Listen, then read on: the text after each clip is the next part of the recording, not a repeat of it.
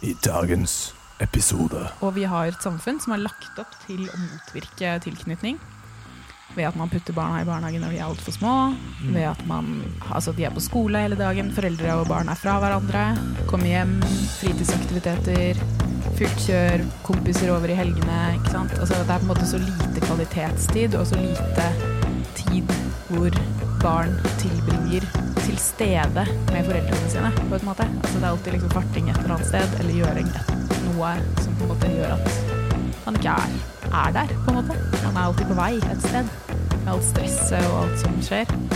Så da blir det vanskelig å opprettholde den tilknytningen, uansett hvor godt grunnlag du kanskje la noen var baby. Velkommen skal de være til Smør-Jesus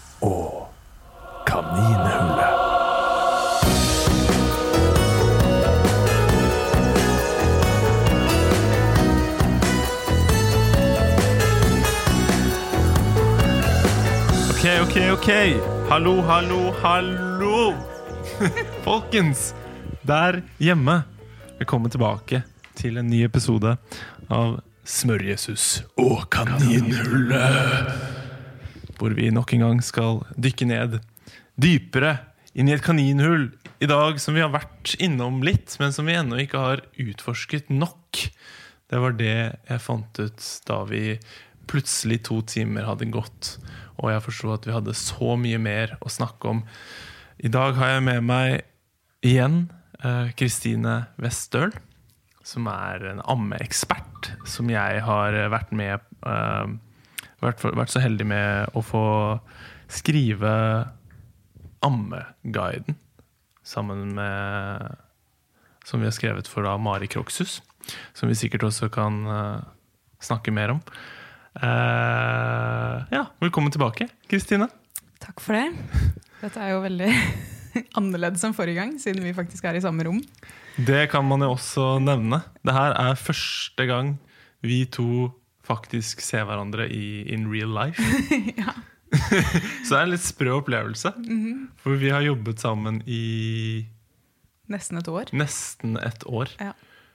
Bare online. Mm. For du befinner deg i Ørsta. Ørsta. Mhm. Som er Det er eh, kanskje en time, halvannen sør for Ålesund, Ja. på Sunnmøre. På vestkant, vestkysten av Oslo. Nei, av Norge. Ja. Så ja, langt unna. Ja. Det er eh, ja, interessant eh, å, å bare ja, se deg. I like utenfor en, en liten firkant på skjermen min, eh, liksom. Mm. Så kult. Vi hadde masse mer å diskutere. Eh, der, vi, der vi sluttet eh, sist, var Vi snakket om tilknytning.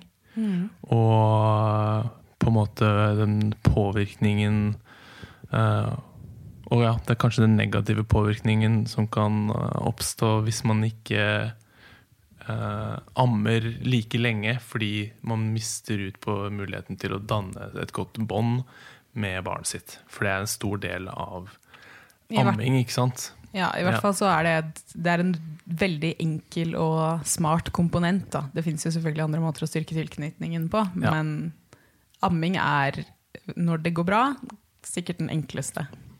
Ikke sant? Og muligens den beste. Det kan vel kanskje diskuteres, men ja. Nettopp. Og så var det dette temaet vi uh, var i ferd med å snuble inn på. Jevnalderorientering. Ja, Der har vi også et kaninhull. Som uh, vi innså at ok, vet du hva, vi trenger rett og slett en podkast til for å, for å utforske dette temaet.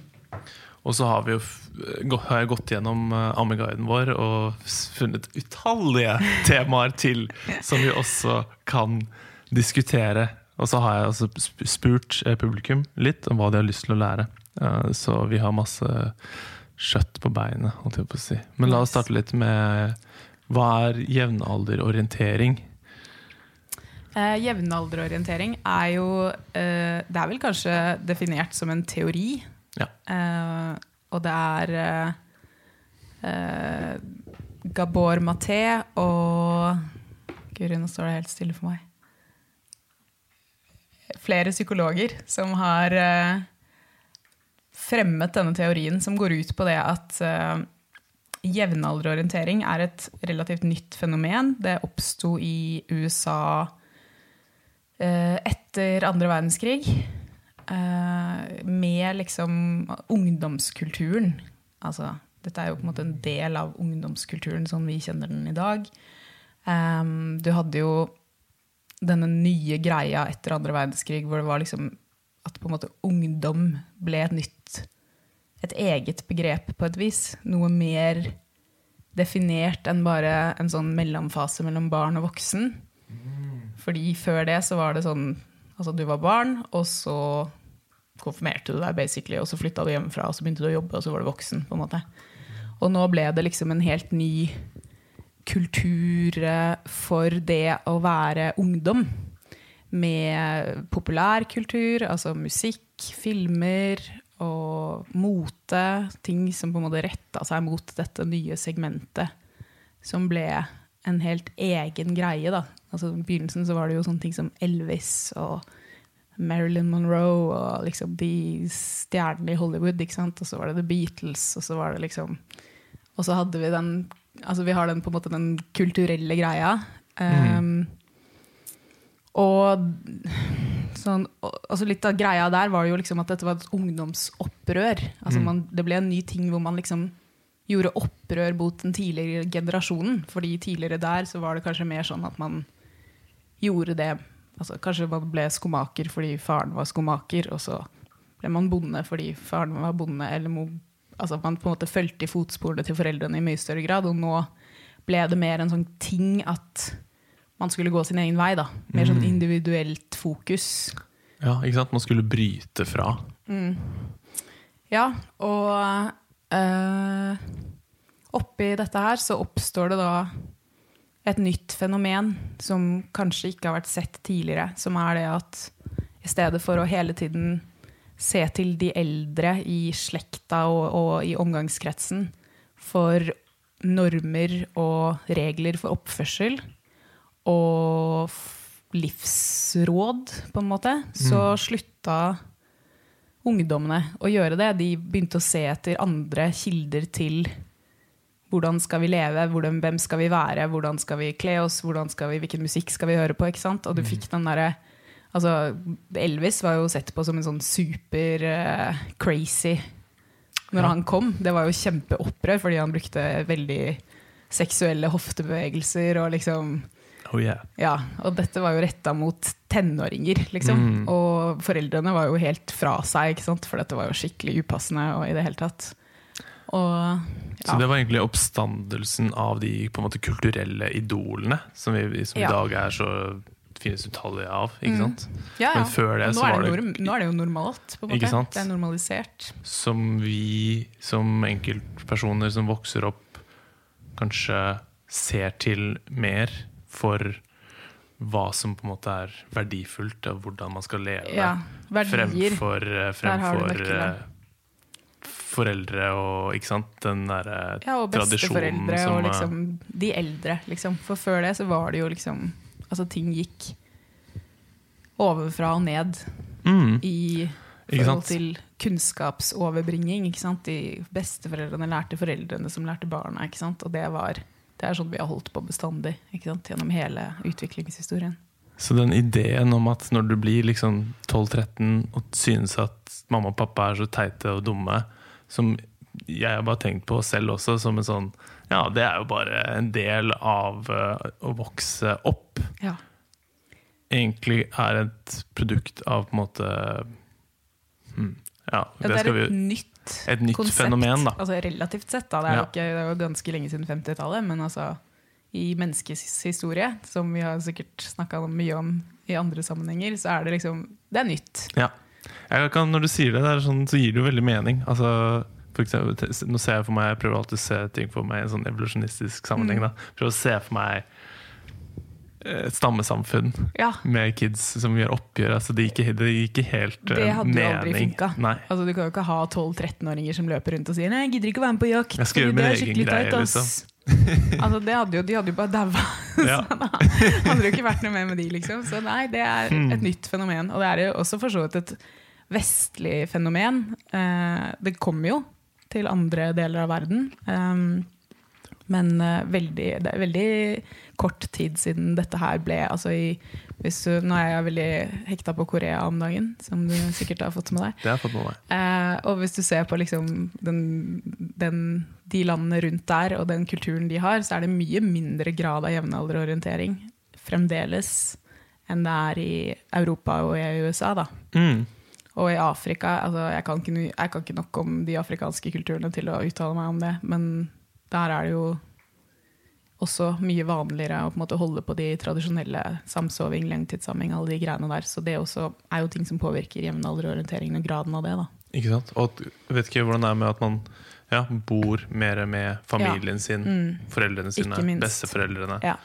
Hvorav i dag i kanskje den vestlige kulturen så er det vanlig å liksom flytte helt ut, se hverandre ikke sant? til jula, til påske. Mm. Uh, ikke, ja, ikke ha den derre det derre Storfamilien. Storfamiliefølelsen. storfamiliefølelsen. Jeg tror vi snakka litt om det i forrige podkast òg. Altså hvordan, hvordan vi på en måte har veldig sånn segre segregering på alder. Mm. I hvert fall i Norge så er det Ja. jo sånn altså fireåringer skal leke med fireåringer, og seksåringer skal leke med seksåringer, og ikke bland de, liksom, fordi at det er sånn ugreit. Ja. Å invitere alle seksåringene i bursdagsselskap, selv om kanskje din seksåring leker med en femåring og en sjuåring mest, så er det liksom ja, men nå er det seksåringsbursdag, og da må du invitere barna på trinnet, liksom. Mm. Uh, og det er også en sånn Det er jo egentlig bare bagateller, men det er bare summen av alle bagatellene som utgjør noe som noen eksperter definerer som problematisk. Ja. Og så er det jo grader av det. ikke sant? Altså, er det et problem når det bare er små ting, eller er det et problem når det vokser til å bli en mer samfunnsdefinerende greie? da. Ikke sant? Så ja. Så denne teorien, da, er det Siden vi snakker om amming, er det noe noen er det, Har en tilknytning muligens til det? Eller det blir jo igjen bare en, en teori, sikkert. Men Eh, ja, altså det blir jo det, fordi dette her Ok, nå skal jeg prøve å definere hva jevnalderorientering er. Dette er Mm. vanskelig, men jeg skal gi det et forsøk. jeg tror Um, Gordon Newfelt, Der var det. der var navnet, skrev, har skrevet en bok som heter eller den, Jeg tror den har bytta navn nå til noe annet, men den het i hvert fall når jeg leste den, 'Kids Needs Us More Than Peers'. Mm.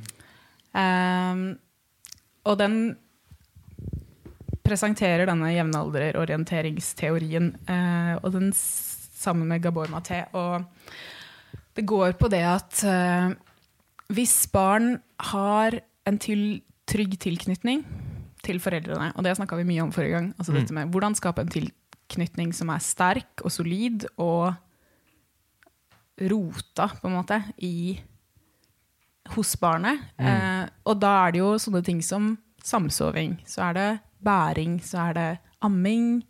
Det er eh, gode samtaler, det er lek, fysisk lek, og det er det å være til stede med barnet. Ikke sant? Legg vekk Mm. telefonen og Ja. fokuser på å være i øyeblikket. Eh, det betyr ikke at man trenger å sitte fire timer hver dag og leke med Lego på gulvet. Det kan like godt bety at barnet hjelper deg å ta ut av oppvaskmaskina, eller Mm. kutte løk, eller eh, gå på tur, eller være med pappa og skru bil, eller eh, være med mamma og støpe en mur, eller ikke sant. Altså det, er måte, det er mange måter å være sammen med barn på som ikke nødvendigvis trenger å være så barnesentrert. Mm.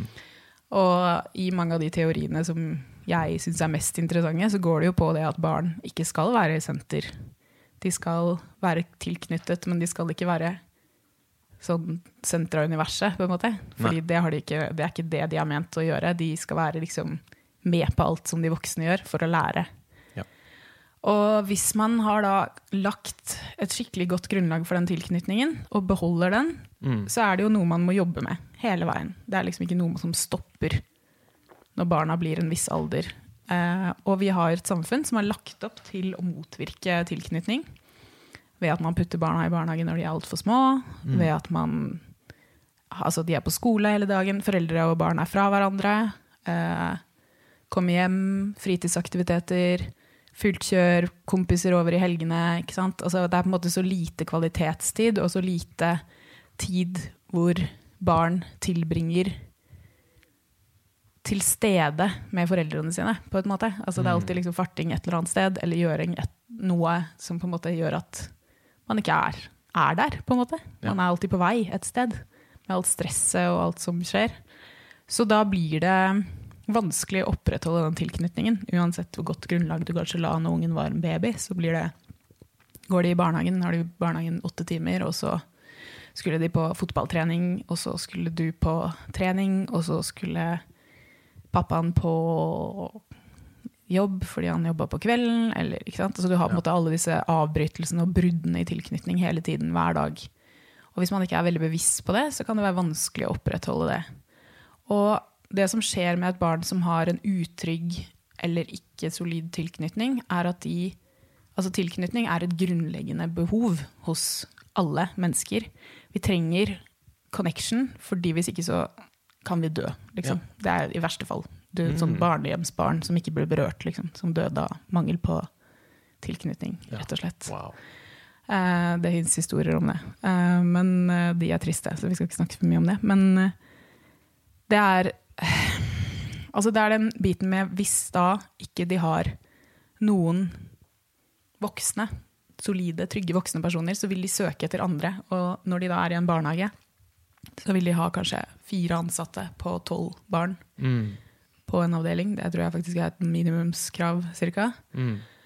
Og to av de er, en av de er på pause, og en av de lager mat, og en av de trøster en som slo seg, og en av de er på do. Sant? Og så på en måte ser dette barnet seg rundt, og så er det sånn, hvem skal vi knytte oss til? Andre barn. For det er de som er der, og det er de som er tilgjengelige. Og eh, fram til en viss alder så går det Så skjer det egentlig ikke så mye med det. Det er ikke så veldig synlig. Og så kommer de opp i kanskje tidligste jeg har sett selv, på en måte, er barneskole, tidlig barneskolealder, som sjuårsalder omtrent. Da har jeg sett barn som er synlig jevnalderorienterte. Eh, og de barna søker fordi at tilknytning handler jo egentlig som et overlevelseskonsept, så handler det mest om at vi trenger noen til å vise oss hvordan vi skal gjøre ting, og hvordan vi skal oppføre oss, og hvordan vi skal være for å overleve. Vi kan bygge en slags struktur som vi handler ut ifra Ja. når vi møter verden. ikke Ja. sant? Og om det er da på en måte hvordan skal vi overleve hvis vi treffer et farlig dyr, Mm. eller hvordan skal vi overleve i et samfunn hvor vi lever med mange mennesker, hva slags oppførsel er sosialt akseptert. Ja. Ikke sant? Hvordan skal vi Altså, hvordan egenskaper bør vi jobbe fram, og hvilke bør vi undertrykke for å bli en del av en gruppe i fremtiden? For å da øke sjansen for et godt liv. Ja. Så og når de da ikke har disse rollemodellene som de egentlig skulle hatt i foreldre, i andre trygge voksne, så vil de søke mot andre barn. Og en fireåring kan jo selvfølgelig ikke lære en annen fireåring hvordan de skal oppføre seg, fordi fireåringer vet ikke det. Nei. Og de blir altså og, vi, og sånn vil det gå, da, siden vi da segregerer alder. Så er det sånn sjuåringene lærer av sjuåringene, åtteåringene lærer av åtteåringene. Og så holder de på sånn. Og så er det sånn at siden vi har kommet såpass langt i denne utviklingen, så er det sånn at de aller fleste i vår generasjon Mm. er jevnalderorienterte. Det finnes veldig, veldig få unntak. Ja. Eh, De aller fleste av våre foreldre er jevnalderorienterte. Så når du hører om sånn derre Ja, nei, besteforeldrene har ikke tid til å være med ungene. ikke sant? De gidder aldri å sitte barnevakt. Så er det sånn Dette handler om at besteforeldrene også er jevnalderorienterte. Mm. For hvis de ikke var det, så ville de tenkt annerledes på det. De ville følt liksom et mer behov da, for å omgås avkom og avkommets avkom. på en måte. Fordi det er det som er naturlig for oss mennesker, men de har gått bort fra det fordi jevnalderorientering har slått inn. liksom. Mm. Så vi har jo to-tre generasjoner med jevnalderorienterte mennesker som orienterer seg rundt i verden. Og det som blir på en måte resultatet, er at du vokser opp, du blir eldre, men du blir ikke moden. Fordi du lærer ikke de tingene som du skulle lært da, for å modnes. Nettopp. Så, eh, og det snakker han, Gordon Newfelt snakker mye om det. Det finnes masse YouTube-videoer, det er helt fascinerende. Og om hvordan, hvordan vi bare er massevis av på en måte, voksne og til og med gamle folk som går rundt og er måte har stoppa modningen. Ja. Og hvordan man ser jevnalderorientering, er jo Det går veldig mye på sånne ting som altså, Hvor viktig er det for deg hva andre tenker om deg, f.eks.? Ja. Det er et sånt typisk jevnalderorienteringskonsept. For hvis du er ikke er jevnalderorientert, og du er solid tilknyttet foreldrene dine, og du har på en måte den horisontale tilknytningsmodellen, så bryr du deg ikke så masse. Nei. Du har ikke det behovet for å få anerkjennelse fra peers, altså fra de andre. For du har anerkjennelse fra din primære tilknytningsperson, Ja. Exactly. Ja. som er dine foreldre. Mm. Men at du nå, når du er jevnalderorientert, så blir de ikke nødvendigvis bytta som primær tilknytnings... Eller blir de det på en måte Det, jo, i Ja. mange tilfeller At så blir de det. blir liksom Ja, altså du, du bryr deg ikke lenger om hva mamma og pappa mener om yrkesvalget ditt, men du Nei, bryr, deg, bryr deg jo om hva venninna di sier, ikke sant? Og, det, Mm, det blir mer viktig for hva vennene og Ja. det sosiale rundt deg enn foreldrene og besteforeldrene dine mener. Ok. Ja, og så er det jo ikke bare vennene dine heller. Det er jo hva mener bloggerne, ikke sant? Mm. Og hva mener kjendisene? Hva har det kjendisene på seg? Det burde jeg ha òg, fordi at Mm. de er på en måte mine peers. Og med sosiale medier så har på en måte gruppa som defineres som jevnaldrende, har jo økt vanvittig. Før så var det på en måte de du møtte på gata, de du så. Og nå er det liksom hele verden er full av de, og du Mm. må på en måte hele tiden forholde deg til hva de gjør, og hva gjør de i forhold til meg, og hva gjør jeg i forhold til dem, og hva tenker de hvis jeg hadde gjort dette, ville de tenkt, ikke sant? Og dette er jo ikke noe bevisste greier, liksom. Det er jo bare sånn som går inni bakhuet hele tiden. Ja. Og du får en sånn Ja, altså du får en sånn, et helt samfunn da, av folk som på en måte tenker veldig mye på hva andre gjør, og hvorvidt andre tenker på hva de gjør, og sånne ting som det. Og så har du Gabor Maté og Gordon Newfelt definerer jo på en måte den ultimate jevnalderorientering er gjengkultur. Mm. Der har du liksom Fordi at man mister den modenhetsprosessen, og man mister den Altså den veiledningen fra de eldre som har Så mister man også en autoritetsrespekt. Man mister på en måte evnen til å bry seg om hvorvidt ting er lovlig, hvorvidt ting er eh, greit, egentlig. Altså sånn, er det Altså, hvem bryr seg egentlig om autoriteter i det hele tatt? Og det er klart, nå er jeg et stort autoritetsproblem sjøl, så jeg skal ikke liksom dra den for langt. Um, men det er jo uh, dette konseptet med at liksom ja, hvordan, å, Nå blir det en veldig lang greie som blir en digresjon her. Men det finnes jo den Husker du den, uh, den studien vi fant om eh, han fyren som hadde snakka om mennesker du kunne møte og ta en øl med uten at det var kleint? Nei. Gi en rask, forklaring. Ja, Nå husker jeg jo ikke hva han het, men dette var jo da en eh, sånn fyr som forska på dette med sosiale relasjoner, og som snakka om hvor mange mennesker kan man ha i sin innerste krets og Stemmer. ytterste krets. Nå husker du det. Nå Mm. husker jeg det. Ja, og da var vel konklusjonen var at det var rundt sånn mellom 10 og 30 personer i den innerste kretsen som man hadde, som man på en måte Og det var jo da alt fra liksom partner til barn til foreldre til venner til søsken. Altså alle som på en måte man regna som sine nærmeste. Mm. Eh, og så har man den ytterste kretsen, som består Den kunne bestå av 150, var det det? Ja, jeg tror tror det var 150. Rundt 150. Og det stemmer ganske godt overens med hva vi på en måte vet om hvor mange som var i en stamme, sånn Ja. vanligvis. Ikke sant. Fordi det var da snakk om de menneskene du kunne møte på den lokale puben og ta en øl med uten at det ble kleint. Det var liksom definisjonen hans. Det var en litt sånn tongue in cheek-definisjon, men det handler om på en måte hvor mange man kan relatere seg til. da. På en gang. På en gang. Altså, Ha en, en relasjon ha en til. relasjon til. Ja. Og med en gang man bikker det tallet, og nå er jo dette, dette er jo også bare en teori, men Mm. det er en interessant måte å se ting på. Ja. Med en gang man bikker et visst tall, da, et visst antall mennesker, så får man et samfunn som er såpass stort at Per kjenner ikke Knut, og han bryr seg ikke om Knut mister hesten sin. Nei. Så derfor stjeler han hesten til Knut. Og så driter han i hva Knut føler om det. på en måte. Men hvis vi har det mindre samfunnet på under 150 personer, så kjenner jo Per og Knut hverandre og har Per vet at Knut kommer til å miste inntekten sin, og barna kommer til å sulte, og kona hans kommer til å dø av et eller annet. Ikke sant? Altså, Og du vil ha en større vil- konsekvens. ja, det blir en sosial altså Du slipper altså Du trenger ikke å si til Per at han ikke skal stjele hesten, fordi han vil ikke stjele hesten til Knut, for han liker Knut. Altså, Mm. Om han kanskje ikke liker han engang, men altså, han er jo på hils med han, og han kjenner kona og, og et eller annet. Ikke sant? Ikke sant? Noe sånt. Så det er liksom Med en gang du på en måte kommer over et visst antall mennesker, så må du ha lover, regler, normer Mm. for å regulere samfunnet, for at ikke det skal bli kaos. Ja. Og der har du liksom, når da jevnalderorientering er på sitt mest ekstreme, så har du en masse mennesker som har på en måte falt ut fra interessen av å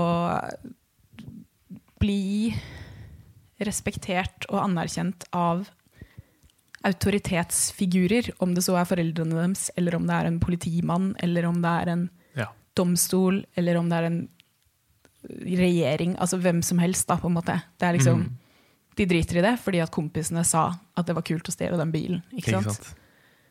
Og så har du liksom Ja, og da har du et samfunn i kaos. Ja. Ja, for det er aksepten til kompisen som, som har Mm. noe å si. Ja, Og kompisen er like umoden Ja, ikke sant? og har heller ikke noe respekt for noe eller forståelse for hvordan ting burde være for at samfunnet skal fungere, og Mm. driter i det. liksom. Mm. Ja, vi har ikke noe sånn derre moralsk eh, Kompass. kompass Mm. som kan på en måte lede oss. Nemlig. Som, som var jo det Vi trenger ikke gå helt inn i det. Men tipper Hvis man har hørt litt på denne podkasten, så har jeg sikkert snakket om det, men det med Altså, Gud er, Gud er død-konseptet, og Mm. at, at det har gjort oss helt sånn moralsk villøse, og vi aner ikke hvor Vi har liksom ingenting Ingen uh, Ingenting å sikte etter å være, da. Mm. Og det gjør oss bare veldig forvirra, og det gjør oss veldig lost. Lost. Og, ja. Ja. Jevnalderorientering er i praksis at man er lost. Og det skaper også egentlig en veldig sterk sånn psykologisk uh, turbulens. Um, fordi du har ikke noe orden, på en måte. Det er ikke, noe, det er ikke, en, det er ikke en verdistruktur som på en måte du, du kan uh, guide dine handlinger etter, da. Nei, altså Du den- mangler det moralske kompasset, og du mangler også røttene. ikke sant? Mm. Så du har på en måte ingenting verken over eller under deg til å på en måte si noe om hvordan du skal være, og hva du skal gjøre. Nei. Og ja. Og der, det er jo på en måte grader av det. Du, liksom, du har jo alt fra på en måte mobbing i barneskolen. Det er jevnalderorientering. Mm. Det er bare Hvis disse barna hadde vært solid tilknyttet gode omsorgspersoner, hadde de ikke mobba. Nei. Fordi hvorfor skulle de det? Altså, de, er, de har på en måte det de trenger. Altså, barn som oppfører seg på den måten, mangler jo noe. Det er jo, det er jo et godt uttrykk som sier barn, et barn er ikke vanskelig, de har det vanskelig. Og det er jo liksom konseptet. De mangler jo noe hvis de hadde hatt det de trengte, emosjonelt og psykisk og alt det der. Altså materielt, altså, I don't know, det er ikke så relevant, men så ville de hatt, hatt nok med seg selv på en måte, til å på en måte kunne ja, altså Man trykker jo andre ned for å komme opp selv, Mm. ikke sant? Og det er jo et tegn på at man mangler noe som gjør at man føler seg verdifull nok som man er, da. Nettopp. Man er nede og ønsker å komme seg opp. Ja. Så du trykker andre det? Ja. Så det er eh, altså samme Du har jo også alle disse psykiske problemene, og så kan ifølge disse folka i hvert fall spores til jevnalderorientering i veldig stor grad. Alt fra spiseforstyrrelser og depresjoner og selvmordstanker og alle disse tingene her. Er liksom, alt kommer jo tilbake til tilknytning, Nettopp. ifølge disse, disse gutta her. Liksom. Det, er Ja. det er det det hele bunner i. Avhengighet. Ikke sant? Du prøver å fylle et hull med et eller annet. Mm. Og det er jo Spesielt Gabor Maté er jo kjempe på dette med avhengighet. Han er jo helt Hvis man sliter Hvis noen som hører på nå, har- har noen i omgangskretsen eller selv sliter med avhengighet, gå og søk opp Gabor Maté på YouTube og sjekk det ut, liksom. Han er vel en av de fremste på akkurat det. Ja. Mm. Så, og grunnen til at dette er relatert til amming, er jo fordi at amming nettopp er et sånt verktøy som man kan bruke i mange år. Mm. så mange år det barnet ønsker det, til å på en måte gjenopprette tilknytningen når barna har vært i barnehagen, når de har vært vekk fra foreldrene. Ikke sant? Selvfølgelig mest mor, da, men Ja.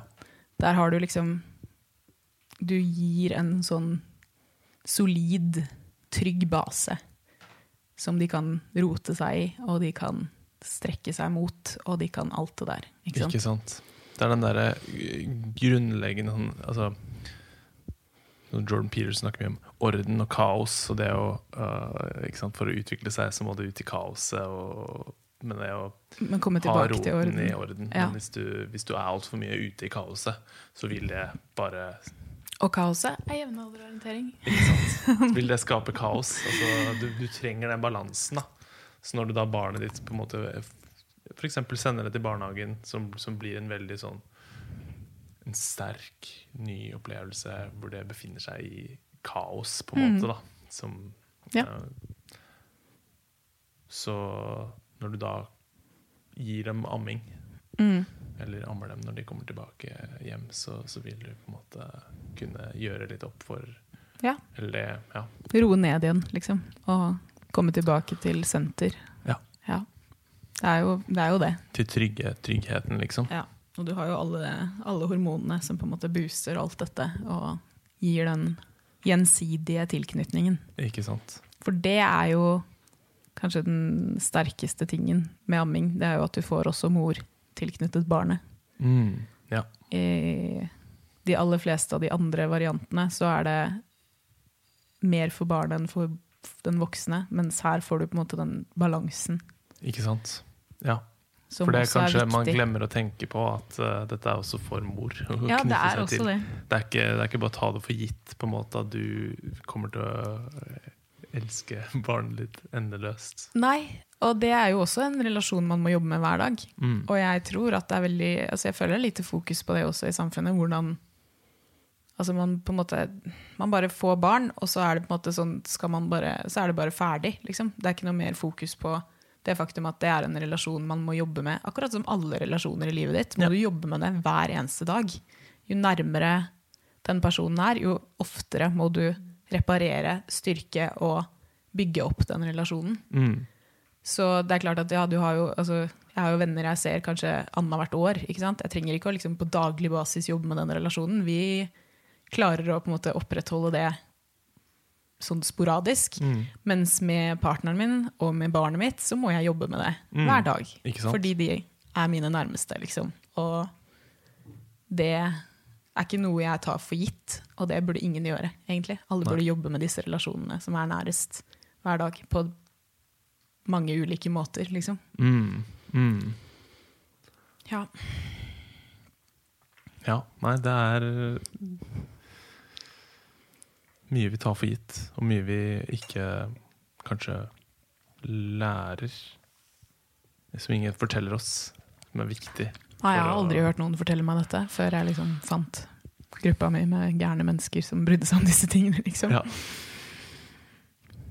Shit. Amming, altså. Det er mye det, det ligger i, ro, i roten av altså, mye. Mm. Så shit, det var en veldig spennende teori. Ja, det er jo det. Og det er jo sånn, altså, kan man bevise disse tingene? Mest sannsynlig ikke. Men det gir jo veldig mening, da. Ettersom det er, et, det er jo et helt nytt fenomen. Mm. Og når er det det på en måte opp- oppsto, hvis, hvis våre besteforeldre er den første generasjonen, Ja, altså, ja. Som, altså, et, et De som nå som på en måte nærmer seg pensjonsalder. Ja. Eh, Ja. Rundt, rundt der, liksom. Er det første generasjonen. Så mine besteforeldre, som nå er døde, da, for så vidt, men de var ikke De var nok ikke jevnalderorientert. Og ja, altså det er noen ting som har gått framover mm, siden den gang, men det er andre ting som har gått bakover, på en måte. Ja. Så mer fokus på jevnalderorientering, tenker jeg. Absolutt. Wow.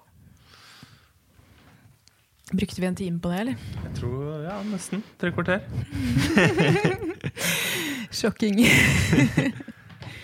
Ok, la oss svinge, svinge litt. Svinge. Ok. Vi tar til høyre. Mm -hmm. uh, jeg har lyst til å snakke litt om uh, fødsel. Fødsel, ja. Det er et eh, spennende tema. Fordi mye av hvordan fødselen ender opp med med å gå, Mm. utarter seg, mm. kan ha store påvirkninger på din evne til å amme. Ja. For det er også et eh, problem mange opplever. At Mm. de faktisk ikke klarer å produsere melk. Eller at det oppstår ting som fødselsdepresjoner. ja. Eh, som også jeg vil tippe er ganske nye fenomener.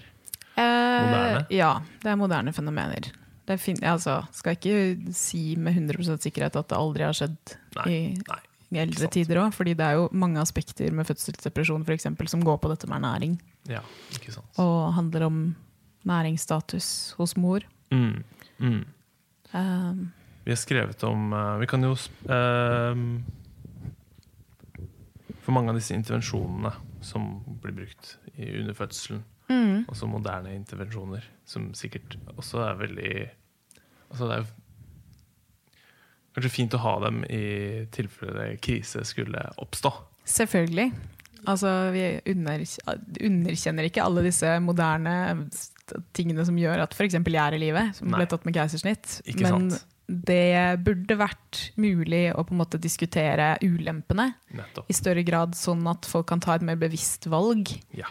Fordi mange ganger så er det sånn at man har faktisk et valg, Mm. men man visste det ikke engang. Mm. Fordi ingen sa det til deg. Og så på en måte endte du opp med å gjøre ting som kanskje var uheldig for videre, både, både dette med fødselsdepresjon, tilknytning, amming, øh, fysisk helse etterpå, sånne yep. ting som det. Og så visste du ikke engang at du hadde et valg, Nei. fordi det ble presentert som en sånn ja, det må du gjøre, liksom. Ja. Og så sitter du der, da. På en måte. Velger du å stole på den Du må jo bare regne med at de vet hva de snakker om. Ja. Ja. Ja, noen autoritetsfigurer stoler vi mer på enn andre. Ja. Det, det er fortsatt tilfellet. Men uh, så er det ikke alltid at de heller har blitt lært de mulige potensielle eh, negative påvirkningene, ringvirkningene dette kan ha. da. nei. Altså, det er jo ikke sant? Nå kan vi komme inn på den biten som jeg sa til deg før vi starta her. Ja, det var noe du hadde lyst Ja. til å snakke om fordi det hadde vært et litt uh, hett Det har vært et hett tema uh, i, uh, I i gruppa mi. Ammegruppen. Amming okay. uten grenser. Eh, nå blir det jo litt mer sånn generalisering enn å snakke om det konkrete innlegget, men dette her er jo på en måte Det som var situasjonen, var at det var en mor som hadde barn fra før av, amma lenge og kan masse. Jeg kjenner til henne via gruppa, hun er kunnskapsrik. Mm. Eh, og hun fødte da tredjemann, og barnet er sykt, har et eller annet, en eller annen faktisk sykdom, utfordring. Sånn at de ligger da på sykehuset i mange uker etter fødsel, og hun blir fortalt at hun må gi et tilskudd, nærings, et næringstilskudd til denne ungen med sprøyte, altså sånn inn i munnen da, ikke sprøyte med spiss, men Nei, okay. Eh, og at hun kun får lov til å amme hver tredje time. Og at hun Ja, altså, og den ungen blir jo trykka full av denne erstatningsgreia, så den blir jo ikke så gira på å amme. Og hun skal gi dette tilskuddet før hun ammer, fordi det var viktigere å få i tilskudd enn i morsmelk. Mm. Eh, og alle disse tingene her bare skurrer for henne. Eh, ikke fordi at hun nødvendigvis vet altså Ingen vet helt hva som feiler ungen, og det kan jo hende det. ikke sant? Du har jo den biten her. Altså, det er sikkert nødvendig. Det er sikkert fordi de vet hva de snakker om. De vet at dette er, dette er liksom hvordan du fikser problemet. Mm. Og det er jo noe som ikke stemmer. Barnet er sykt, eh, trenger behandling. ikke sant? Og så lufter hun denne frustrasjonen i gruppa og er fortvila, fordi at for henne, som på en måte er en sånn tilknytningsorientert type, så er det eneste hun vil, er å holde barnet inntil seg og amme. Det er liksom alt hun Instinktene hennes skriker etter det, liksom. Mm. Og etter å ha fått en hel haug med kommentarer, støttekommentarer, og liksom det, Du må snakke med dem, du må spørre hvorfor. Du må, altså fordi at folk som kanskje ikke kan så mye om amming som det hun kan, ville jo aldri spurt dette spørsmålet i første omgang. De ville bare tatt dette her som Sånn er det, liksom. De Mm. legene sa det. ikke sant? Og når hun da stiller spørsmål til legen, som har gitt henne dette regimet, så viser det seg at han kan ingenting om amming. Han vet ikke hva morsmelk inneholder. Han vet ikke hvor mange kalorier det inneholder engang. Og denne, dette næringstilskuddet er for at ungen skal gå opp i vekt, men han går jo opp i vekt helt fint, og gikk helt fint opp i vekt før de starta med næringstilskudd. Mm. Og morsmelk inneholder mer kalorier enn det næringstilskuddet gjør. Mm. Eh, og han uttaler sånne ting som at det er ikke nødvendig å amme mer enn hver tredje time. Det i seg selv er jo bare en helt sånn totalt kunnskapsløs uttalelse. Selvfølgelig er det nødvendig. Du skal amme så ofte barnet vil. Det er det, er det man skal. Alltid. Så eh, det ender jo opp med at hun trapper ned på dette tilskuddet og kan ta opp igjen ammingen og amme normalt. Og det viser seg at hele greia egentlig var helt bortkasta. Altså, det var helt unødvendig. Ja. Og dette er jo bare fordi at hun visste såpass at hun visste at hun måtte stille spørsmål. Ikke sant? Og hvis hun ikke hadde gjort det, så hadde den ungen fortsatt på det tilskuddet. Ammingen hadde gått i vasken. Fordi at hver tredje time er ikke nok til å få i gang den produksjonen skikkelig. Så Og dette her er jo bare ett av tusenvis av situasjoner hver eneste dag over hele landet, i verden, som akkurat sånne ting som det. Dårlig veiledning. Hvor du bare får råd av noen som skal være autoriteter og eksperter på dette, og så vet de egentlig ingenting om amming. Nei.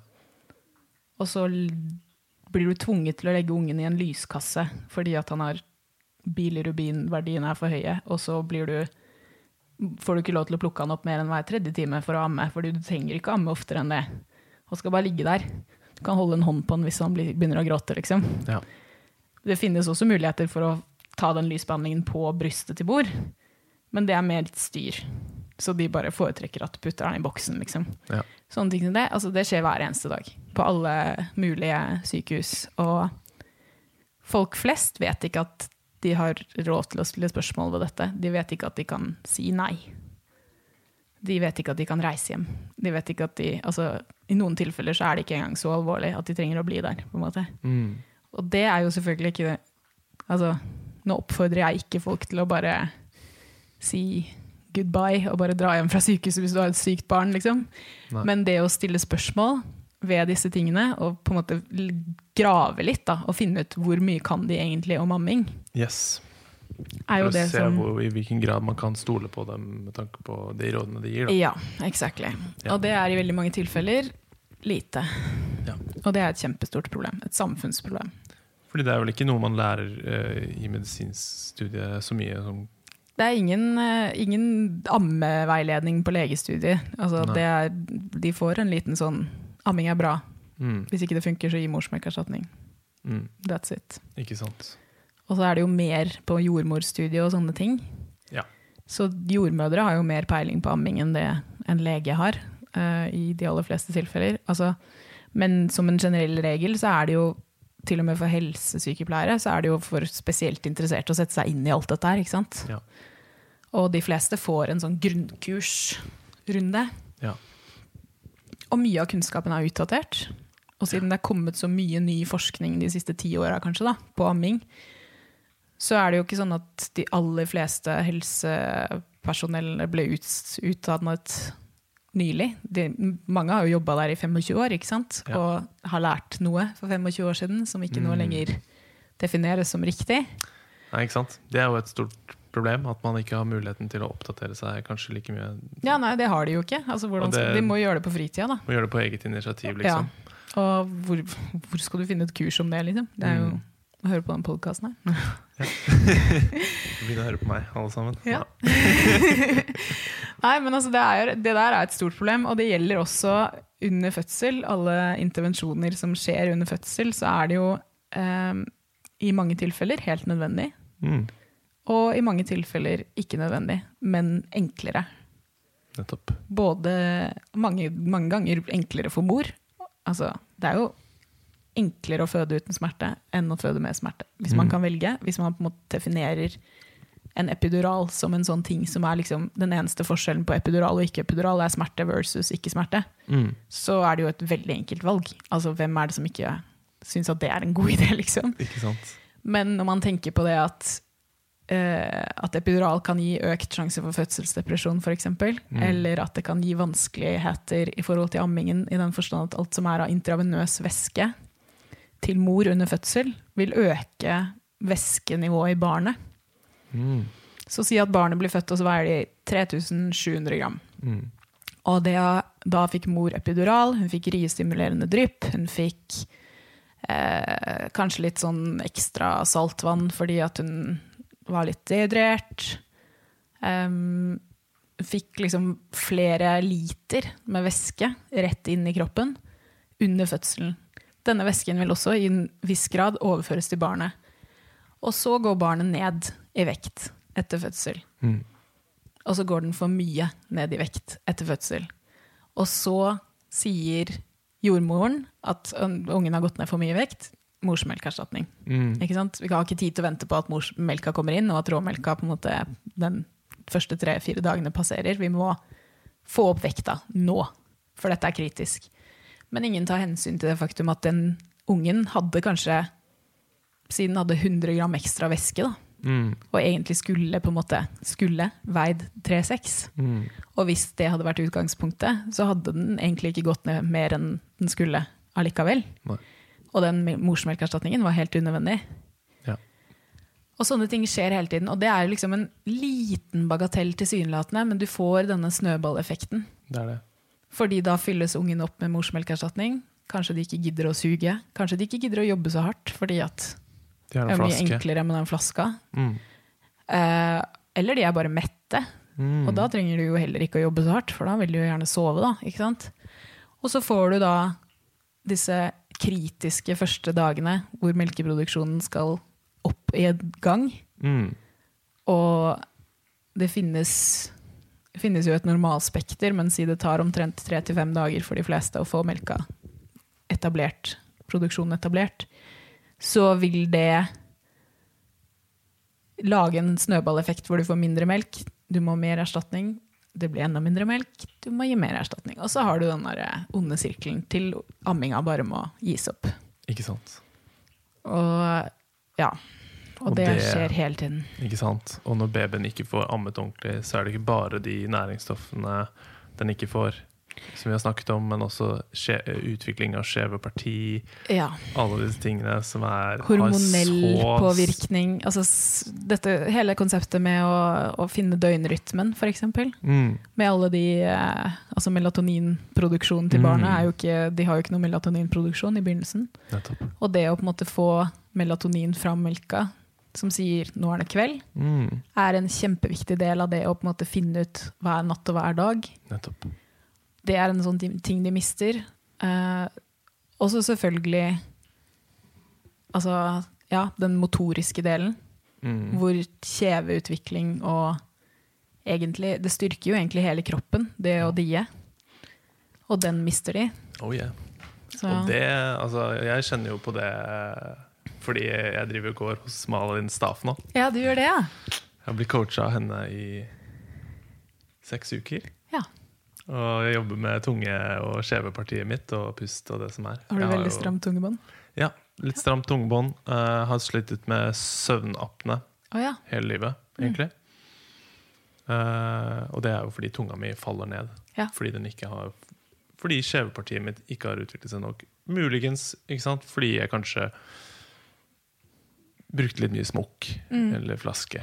Eller, eh, eller bare hadde et stramt tungebånd.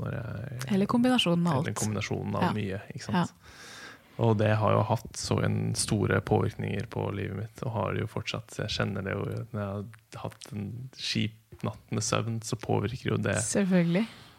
Uh, hele min eh, opplevelse av livet. ikke sant? Ja, ja. Så nei, det er, det er interessant å på en måte spole helt tilbake dit og bare Å ja, Mm. hadde man bare kanskje tatt noen eh, andre Og hatt litt mer bevisste valg, da, eh, Mm. så, så ville Så kunne ting vært totalt annerledes. Mm. Ja. Um, så ja, nei, det er den domino, dominoeffekten. Den er Det er eh, dominoeffekten, og den er så underkommunisert. Fordi det på en måte normaliseres, alle disse intervensjonene mm, normaliseres hele tiden. ikke sant? Du blir på en måte fortalt at det er bare sånn det er. liksom. mm, Altså Bare hele konseptet med hvordan så mange føder liggende på rygg. mm, Altså Liggende på rygg er ikke en fødestilling vi Altså Hvis du ser på dyr, liksom. Hvordan er det de føder? De føder ikke liggende på rygg. De står. De står, og um, vi Altså, den beste fødestillingen er jo å sitte på huk. Mm. Da får du liksom jobba Da jobber barnet seg ned i bekkenet nesten helt selv. ikke sant? Men det krever jo en viss muskelstyrke. Altså, Jeg hadde ikke sjans. Jeg, beina mine skalv, så jeg nesten ikke klarte å Jeg klarte ikke å ligge engang, omtrent. Altså, du, du prøvde å prøvde. stå på huk? prøvde å stå på huk, det funka ikke. Endte opp på rygg fordi at jeg ikke klarte å stå oppreist. Ja. Fordi at jeg var ikke sterk nok i beina. Nei. Og der har du jo ikke sant, hele den biten med hvor god form man bør være da, før Mm. man blir gravid. Sånn man klarer den biten der, fordi at fødselen går lettere hvis man er i god form. Altså det er så mange ringvirkninger på alt sammen. Ikke sant? Og, og kanskje man ikke hadde trengt riestimulerende hvis man fikk hjelp til bedre fødestillinger. Kanskje man hadde klart seg uten epidural hvis man hadde fått bare fått hjelp med pust, f.eks. For, eksempel. for det er jo en sånn ting som kan brukes. Det finnes jo massevis av kurs for dette. For var det epiduralen? Det er eh, Smertestillende. smertestillende. Mm. Ikke sant? Og det er jo også mange som opplever bivirkninger av når epiduralen settes jo i ryggmargen. Mm. Så jeg vet jo om Jeg har jo flere venninner som har hatt problemer med alt fra liksom lammelser til eh, hodepine som ikke går vekk, altså i lange tider etterpå. Eh, Nerveskader, da, liksom. ja, altså noen får det òg. Mm. Det er jo ikke nødvendigvis kjempevanlig. Og, men det finnes på en måte eksempler på folk som har fått det. Og det er jævlig kjipt, da. Det er kjipt. Hvis du liksom skal prøve å bære den ungen din, og så klarer du ikke å gå, da blir det utfordrende. Og hvis de kunne, ja, hvis de kunne vært unngått. På en måte. Ja, fordi de kunne kanskje funnet andre metoder. Og det er jo også sånn som dette med doula. Mm. mamma, mamma leste litt på boka vår, og hun bare 'Hva er en doula?' Det har jeg aldri hørt før. Og hun har født fire barn, Mm. og blir jo påvirka, hører jo på meg snakke stadig vekk. Men akkurat dette med doula hadde hun aldri hørt om, så det visste hun ikke hva betydde. Og så måtte jeg prøve å forklare henne det, for det er jo en fødselshjelper. Ja. Og de rollen deres er å på en måte være mellom, mellommann mellom jordmor, leger, helsepersonell og fødekvinnen. Ehm, som et, enten i stedet for, eller som et tillegg til en partner. Eh, fordi de kan masse om fødsel, og de Mm. kan masse om teknikker, og de kan masse om hvordan alle disse praktiske tingene fungerer. Om rettighetene dine. Hva, Mm. hva har du rett til? Hva kan du si nei til? Hva trenger du å si ja til? Ikke sant? De klarer kanskje i større grad enn deg selv å vurdere er dette nødvendig, liksom. Og de kan hjelpe deg å finne alternativer. Mm. Og det å ha med en doula reduserer jo smertenivået, eksempel. Er jo bevist med ganske mange prosent. Nå husker jeg ikke akkurat hvor mange prosent. Det kommer til å stå i boka. Hva er fenomenet med å ha det med? Ja. Fordi det bare roer ned Ja. der nede, da. Ja, altså det reduserer stress. reduserer stress. Har, da har du en advokat som kan på en måte passe på deg. Ja, en bauta, liksom. Det samme gjelder jo hvis du har en partner som du føler deg trygg på. Så vil Ja. du også få den samme trygghetsfølelsen hvis du vet at partneren din vil på en måte er på din side, er enig med deg og vil på en måte være advokaten din hvis det trengs. Ikke sant? Uh, og det er også sånn samme hjemmefødsel. Føde hjemme. Det er jo litt sånn up, up and coming igjen. Særlig nå under disse koronatider har jeg hørt at det er en stigende trend i hjemmefødselmiljøet. Spennende. Ja, fordi at folk orker ikke altså, Får ikke ha med mannen sin på føden. Nei. Og så sier de bare nei, glem Fuck det, liksom. Fuck Mm. it, jeg blir hjemme. Og så føder de hjemme. Og så er det jo eh, klart at hvis du passer kriteriene for hjemmefødsel, så er jo oddsen for å få en god opplevelse er jo større hjemme enn det den er på sykehus. Er det, ja. Ja. Og eh, dette handler jo om stress i så stor grad, ikke sant? Altså det å gå inn i en fødsel er jo noe av det mest stressende du kan gjøre. Mm. Altså fysisk og psykisk og mentalt og alt, så er det jo hvert fall første gangen du gjør det, så har du på en måte kommer aldri til å noensinne kunne bli forklart hvordan er det å føde, liksom. Det er en sånn ting som når du er der, så var det ikke sånn som du trodde allikevel, på en måte. Altså, det kan på en måte ikke kan ikke beskrives, det må oppleves på et vis. Og dermed blir det jo en sånn situasjon, i hvert fall for førstegangsfødende, en situasjon hvor du på en måte går inn i noe uten å ane hva du går til. ikke sant? Ja. Så du har jo lest, og du har hørt, og du har fått historiene. ikke sant? Men hvordan det blir for deg, det er jo en helt annen sak, fordi alle fødsler er helt forskjellige. Ja. Og har du født én gang, så har du født én gang, på en måte. Mm. Så du kan ikke si noe om fødsler på generelt grunnlag av å ha født 16 barn, liksom. Det vil fortsatt være annerledes for den andre kvinnen, liksom. Mm. Så der har du liksom stresset ved å føde. Og så har du stress, altså alle ting som kan redusere stresset ditt, vil gjøre det mindre sannsynlig at du trenger en intervensjon Mm. i den ene eller den andre retningen. Og intervensjoner har en tendens til å få den snøballeffekten. Du får riestimulerende fordi du er stressa, så du klarer ikke å få rien i gang. Eller de blir ikke sterke nok. Så blir det større sjanse for at du trenger epidural. Kanskje det blir en feilmedisinering, kanskje du får styrtrier, kanskje du får sånne rier som bare aldri stopper. Og bare kommer og kommer og kommer til du tror du skal dø, liksom. Og da er det en god idé å få den epiduralen, liksom. Fordi Mm. du tror du skal dø, og du har ikke lyst til det. Og så Eller noen ganger har du det, faktisk. Mm. Og så får du epidural, og så ble det kanskje Altså, kanskje du ikke klarte å presse godt nok, da. Fordi at du var jo, kjente ikke så masse lenger. Mm. Og så tar det for lang tid, for de har jo grenser for hvor lenge du får lov å presse. Og så blir det keisersnitt. Ja. Eller tang, eller et eller annet. Igangse, altså igangsetting? Eller? Igangsetting, det er den riestimulerende. Ja. Ja. Og eh, det er jo det første som skjer, gjerne. Ja. Igangsetting også er jo Ja, der har du jo den biten nå, ikke sant. Altså hva er på overtid? Kommer barnet når de er klare for det, eller burde man sette det i gang når det er ti dager på over termin? Og hva er termin? Mm. Ikke sant? Sånn mitt tilfelle for eksempel, så var mensterminen min en, nesten en uke annerledes enn det legene sa til meg i forhold til ultralydterminen. Mm. Og hun kom to dager over mensterminen, men hun kom ti dager over, over eh, hva legene definerte, terminen, ja. liksom. Så da var hun på overtid, eller var hun egentlig ganske presis? Det er også sånn massevis av eh, ting. Nå føler jeg vi bare snakker liksom om alt på en gang her, til det blir bare sånn rot. Men eh, Nei, nei, jeg syns du har en god tråd. Jeg. ja, okay. Ja, det er bra. Jeg føler jeg roter meg litt bort her. Men eh, nei, altså poenget er jo at det er så mange ting som blir problematisert, som kanskje ikke trengte å være et problem i første omgang. da. Ja. Og så har du da snøballeffekten, og så ender du opp med et barn som blir født med keisersnitt. Som er også noe som burde vært snakka mye mer om. Mm.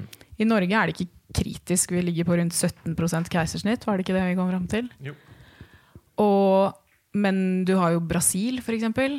Ligger jo på hva var det, 80 keisersnitt. Ja, Ville tall, i hvert fall. Helt ville tall. Og, det er sånn, og i veldig mange deler av verden så er keisersnitt definert som en enkel utvei. Mm. Og det er det også en stigende trend på her i Norge, hvor du liksom sier at du har fødselsskrekk så du kan få keisersnitt fordi du har ikke lyst til å føde, vaginalt, fordi da kan du jo risikere å revne, og det er Det ikke ikke, ikke så fint. Liksom. samfunnet er sexy, liksom. Nei, det er ikke sexy. Altså, det er mye bedre å ta en liten sånn kjapp løsning på keisersnitt og få ungen ut, og så gå tilbake til normalen, liksom. Mm. Fordi at ja, alt handler om at du skal være sexy, til og med når du føder. Så, og det er, liksom, det er et stort problem at det blir definert sånn, fordi ja, vi trenger Mange barn trenger å bli født med keisersnitt. Mange barn vil dø hvis vi ikke tar dem med keisersnitt. Jeg er en av de barna som ville dødd hvis ikke keisersnitt var et alternativ. Eh, og jeg er selvfølgelig glad for at det var et alternativ. Men det er også i mange tilfeller enten at det ikke var nødvendig fordi kanskje man kunne jobba mer med psyken for eksempel, til mor. Kanskje man kunne jobba mer med å trygge mor med dette med fødsel, og Mm. hjelpe henne til å takle det psykisk, hvis det er det som er utfordringen. Mm. Eller at det kanskje ikke hadde vært nødvendig hvis man ikke hadde satt i gang, fått epidural, fått tang, fått keisersnitt. Ikke sant? Den derre Det ene gikk, tok det andre, dominoeffekten. Um, og at keisersnittraten dermed kunne vært lavere. Og keisersnitt er ikke uproblematisk. Når vi snakker om tarmflora, så er jo dette en av de største faktorene, faktisk. Jepp. Fordi det er der du sår tarmfloraen. Når barnet går gjennom fødselskanalen, så plukker de opp alle disse bakteriene som har kommet emigrert fra Ja. tarmen til mor og inn i skjeden i ukene før fødsel. Dette skjer med alle kvinner. Ja. Og så skal de plukke opp de bakteriene på vei ut, og så skal de Det skal sås et mikrobiom, et, en tarmflora, som skal holde det barnet friskt og solid og sunt resten av livet. Og snakka vi om det forrige gang? Om tarmbakterier og Ja. swabbing og Ja. Og dette trestegsgreia med hvordan Jeg tror ikke vi gjorde det, altså. Nei, ok, men da kan vi ta det. Fordi du har det Altså, mikrobiomet, tarmfloraen, den sås og etableres i tre steg under en fødsel. Mm. Du har, den første delen er da når barnet kommer ut gjennom fødselskanalen, plukker opp tarmbakterier fra mor, som har fått god, godgjøre seg der inne en god stund. Mm. Så neste steget, sånn fra naturens side, er mor tar barnet opp på brystet. Eller på magen. Eh, og barnet gnir hodet rundt på mors hud og får i seg hudbakterier fra hudmikrobiomet. Mm. Neste skritt er, fra naturens side, nå snakker vi om på en måte alt hvordan det skulle vært, på en måte, eh, er at barnet foretar noe som kalles breast crawl. Som betyr, og dette her, altså hvis dere ikke har sett det, søk det opp på YouTube. Det er helt sykt kult. Ja. Et helt nyfødt spedbarn, par minutter gammelt, sparker fra og krabber opp på puppen helt selv trenger ikke hjelp, liksom. De kryper der helt selv. De klarer det. Altså, Mm. De kan jo ingenting. Det er sånn, De bare ligger der som en klump. Men Ja, ja. dette får de til, liksom. Det er så sykt godt tegn på at vi også ikke er liksom en eh, Hva skal man si? Clean slate når vi Nei, kommer ut. At det er eh, nei er du gæren? Dette har de øvd på. At de sparker. Mm. Ikke sant? Hvorfor sparker de inn i magen? De trener fordi Mm. de skal krabbe opp og få den puppen så de kan overleve. Det er så sterkt, det instinktet. Og de kan krype da fra du legger, Hvis du legger den babyen på magen, så vil de krype opp innen kanskje en times tid etter fødsel og finne puppen selv mm. og koble seg på. Og der har vi tredje steg i seeding, eller altså såing av mikrobiomet, nemlig morsmelken, som inneholder både gode bakterier fra mor, Mm. og det inneholder prebiotika, altså mat til disse gode bakteriene.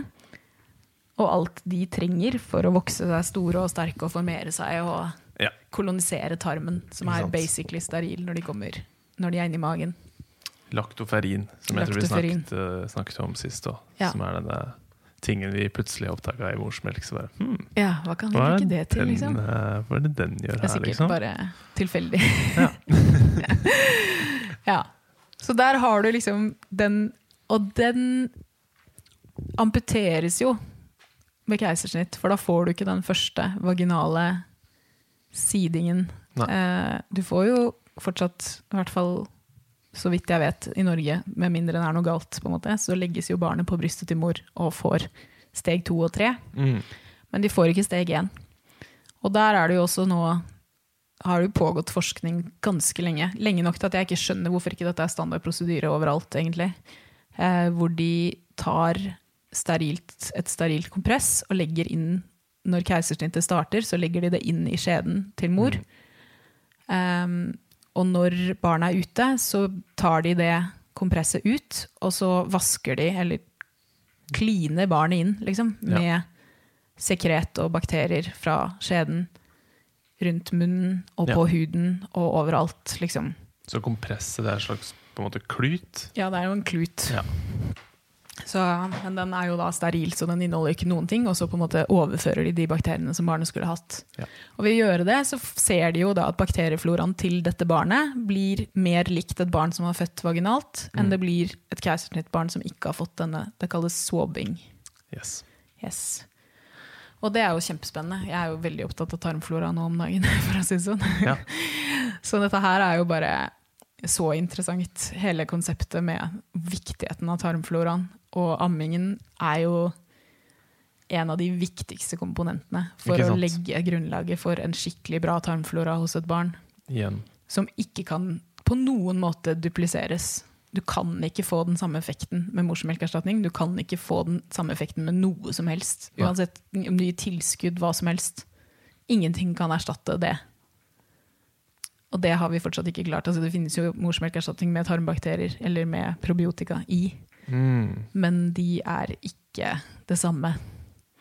For Nei. i morsmelk har du sporebasert probiotika, Ja. og de tåler alt.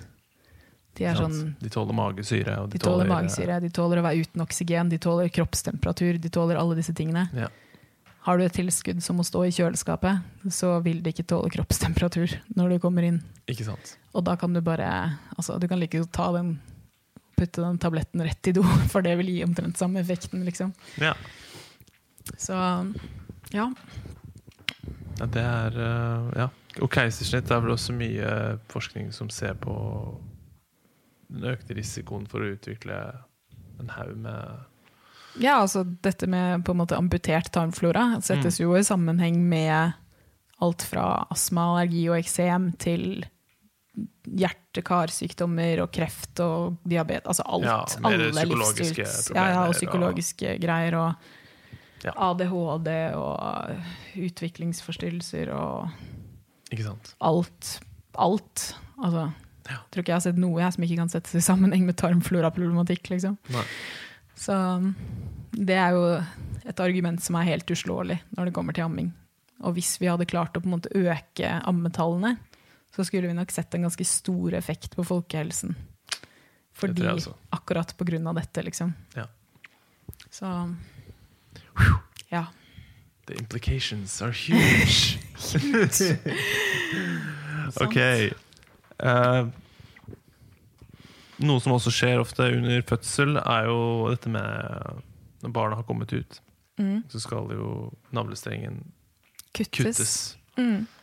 Eh, men det er også kanskje et, et tema som ikke så mange er eh, bevisste på. At Nei. der er det en prosess som foregår, som skal, egentlig skal foregå. Mm. Eh, hvor eh, det overføres masse næring og, egentlig altså innhold. Mm. Blod. Ja, det er vel en, opp mot en tredjedel av blodet til barnet befinner seg jo i navlestrengen og morkaka når barnet kommer ut. Ikke sant? Og nå er det blitt standard prosedyre på norske sykehus å wait for white, Ja. som jeg ikke aner hva de kaller det på norsk, da. Men altså å vente til navlestrengen har blitt hvit før man klipper den, med mindre det er et eller annet som gjør at man må være rask. Liksom. Og selvfølgelig, i situasjoner hvor man må være rask, så er det andre ting som er viktigere. Ja. Men hvis man kan, så er det det å få på en måte alle disse nærings... Spesielt jern. ikke sant? Altså jern er det, jo, det er jo innmari mye fokus på jern. Ja. Og spedbarn og må få i seg nok jern. Derfor må vi kjøpe jernberika grøt. Mm. I realiteten så er det sånn at hvis barnet får altså Med mindre mor, mor har en alvorlig jernmangel under graviditeten, da, så er det sånn at et spedbarn som får navlestrengen kutta etter at alt er gått inn, Mm. har gode lagre Ja. til de begynner med fast føde. Og der har du jo også den biten med at fast føde burde jo ikke være jernberika grøt, det burde være lever. Ja. ikke sant? Altså Hvis du skal ha jern, så er det innmat som er tingen. Ja. Liksom. Fordi det tas faktisk opp. Den jernberika grøten er jo bare forstoppelsespromotør. Ja. Og det, det her driver jeg og lærer nå, som går på root cause protocol, eh, om jern. Og at kroppen egentlig har et sånt jernresirkuleringssystem. Så hvis man har fylt opp, får fylt opp det lageret, så er det veldig lite jern man egentlig trenger eh, å få tilført fra kosten. Det er heller andre næringsstoffer som er viktige for at dette resirkuleringssystemet skal gå som det, som det skal. Da. Hvis det stopper opp, så på en måte ser vi Oi, nå har vi lite jern i blodet, og så har vi egentlig nok jern i kroppen. Eh, problemet er bare at vi får det ikke ut og inn i det Og resirkuleringssystemet. der det skal være. der det skal være. Så vi begynner å fylle på med jern. Mm. Når det egentlig ikke er et hjerneproblem. Det er egentlig et problem fordi vi ikke har nok ja, enten biotilgjengelig kobber, eh, retinol, vitamin A eller eh, magnesium. da. Som alle er ting som er massevis av i innmat. masse av i lever, ikke sant? Ja. Som er kanskje grunnen til at lever funker så bra mot å kurere anemi og Ja. sånne ting. da. Fordi det Mhm. egentlig ikke handler om jernet, det handler om Nei. næring, andre næringsstoffer som jern trenger for å sirkulere og fungere som det skal i kroppen. Mm. Ja, det var et lite Det var en viktig detour, føler jeg. Fordi jern er jo en stor greie. Den er jo en stor alle, greie. Alle, ja, og han ranter mye om det, han læreren min, om uh, at uh, Alt fokuset på jern. Ja, at når man er gravid, at det er en hypoxic state, Mm. naturlig. Mm. Og det ikke er nødvendigvis uh, Ja, at man skal ha lavere jern enn det de påstår, ja. Ja, ja det er at de også, ja. For hva er egentlig egentlig gravide jernmangel? får uh, lave jernnivåer, og så er det egentlig ikke et problem. Men Nei. så bare fyller vi på med jern. Og det som er problemet med jern, er at det kan ruste. Og Ja. hvis, det, hvis det kommer ut av kontroll Den varianten som er i tilskudd, er jo inorganisk, og det er bare dårlig på alle måter. Ikke ta jerntilskudd, folkens. Nei. Dropp det. Hvis dere er eh, redde for eh, det, så kjøp dere Gnist sine leverkapsler! Nå i butikk! Yes, leverkapsler. Ja. Det funker på så mange måter at du Da fikk jeg sneket inn uh, Litt litt reklame. Litt eh, skamløs markedsføring. Jeg synes det er bra. Deilig. Det, Um, ikke sant? Så, men så bra å høre at uh, senavnavling nå er en, uh, en standard da, på, på norske ja, sykehus. det er ganske nytt, da. Det er bare Ja. noen år siden det ble en greie overalt, liksom. Men uh, det er en god utvikling. Ja. Vi har i hvert fall noen ting som går i rett vei her, liksom. Så bra. Og dette med Vi kan jo da avslutte Jeg har jo også skrevet om K-vitaminsprøyten. Mm. Det vi- er ikke Den skal ikke jeg ta. Nei. Nei. Det, Altså, da må jeg Jeg tror det er eh, de root call protocol-folka som kan mest om det, egentlig. ikke sant? Så kanskje du har en egen Ja, podcast om det. stemmer det. Ikke sant. Ok, Men fødselsdepresjon, da. Ja. Har du noen tanker om hvorfor det kan oppstå? ja, mange tanker om det. Det er jo et kjempekomplekst Før vi går inn på det, er jeg litt uh, tørst, jeg. Ja, Vil du ha litt Farris? ja takk. Tenkte det, altså. Man blir eh,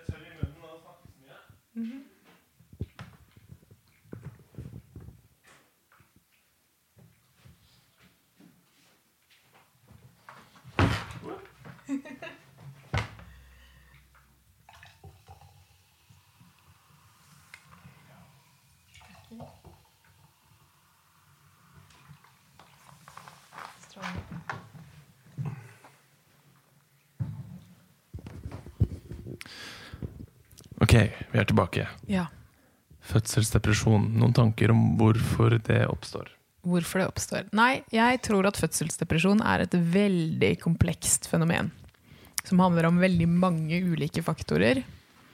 Og jeg tror at også at ulike kvinner kan ha ulike årsaker til at dette oppstår. Ja. Um, du kan jo bare begynne å ramse opp liksom, ulike ting som kan påvirke dette med uh, Altså, dette er jo en eh, en hormonell problematikk i veldig stor grad. Eh, næringsstatus hos mor før og under graviditet har mye å si. Magnesiummangel, f.eks. Kritisk. Ja. Eh, hvis man har næringsmangler og blir gravid, og ikke på en måte adresserer det i det hele tatt under graviditeten, så tapper altså Graviditet er jo noe av det som tapper kroppen mest. Av alle ting du kan gjøre, så er det det verste, liksom. Ja. Eh, Massivt stress for kroppen din. Massivt egentlig. stress. Det er egentlig en kjempedårlig idé. Hvorfor gjør vi dette, liksom? Men eh, problemet er jo at ikke det adresseres, og at ikke det blir korrigert. da. Og at man ikke tar hensyn til det faktum at du lager faktisk et helt nytt menneske. Ja. Og det er en belastning, og det tapper deg for nesten alt. Og fordi at det barnet trenger jo også næringsstoffer for å bygges. Og så kommer du kanskje på andre siden av denne fødselen, og så sitter du der med massiv mangel på egentlig det meste. Og hvis du har mangel på ting, så fungerer jo ikke prosessen i kroppen som den skal. Kanskje det blir kluss med det hormonelle, kanskje det blir kluss med eh, det mentale. Altså du kan få du kan få alle disse symptomene fordi du faktisk har mangel på ting. Jeg vet om mange som har fått mye Som har fått bedring på, på fødselsdepresjon ved å ta tilskudd av magnesium og B-vitaminer. Mm. Lever. Lever! Ja. Get that liver, people. Yes. Yeah. Nei, men eh, det er én faktor som jeg tror er kjempeviktig. Eh, En annen faktor som jeg også tror er kjempeviktig, er alle forventningene man møter som nybakt mor. Og hvor mange ting folk gjør som går på tvers av alle instinkter. Når det kommer til hvordan de skal Hva de skal gjøre de, de ukene etter fødsel. Altså Der har du jo den tradisjonelle barseltiden, som er minst seks, til, seks uker til tre måneder etter fødsel. Litt avhengig av hvilken kultur du snakker om. Hvor mor bare skulle ligge der, amme, med babyen hud mot hud, og bli fora. Det var det som var jobben din liksom, etter fødsel. Fordi du skulle bygge deg selv opp. Der har du den næringsstatusen igjen. Sant? For å bygge opp igjen de lagrene du har brukt opp. Og for å bonde med babyen din.